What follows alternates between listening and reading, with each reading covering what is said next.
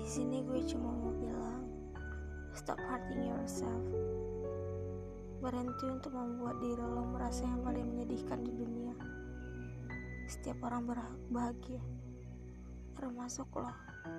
Ya, mungkin saat ini lo ngerasa kalau diri lo bukan siapa-siapa.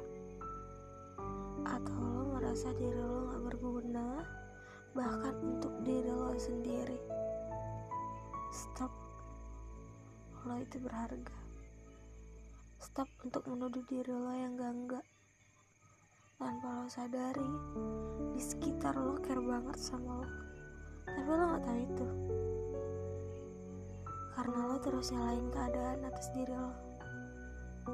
Atas segala hal yang menimpa lo. Lo tahu gak? Banyak banget di luar sana yang senasib sama lo yang pengen hidupnya mungkin lebih baik dari dirinya yang sekarang. Mulailah berdamai dengan hati dan pikiran lo. Bukakan sedikit jalan walaupun setapak tapi tetap maju. Lo bisa sesekali melihat ke belakang hanya untuk sekadar ngingetin lo agar lo gak tersesat lagi ketika menelusuri jalan yang setapak yang baru lo buat. Gue yakin ketika lo berjalan menapaki tanah itu, lo berpikir keras juga. Lo harus berdamai dengan perasaan lo juga.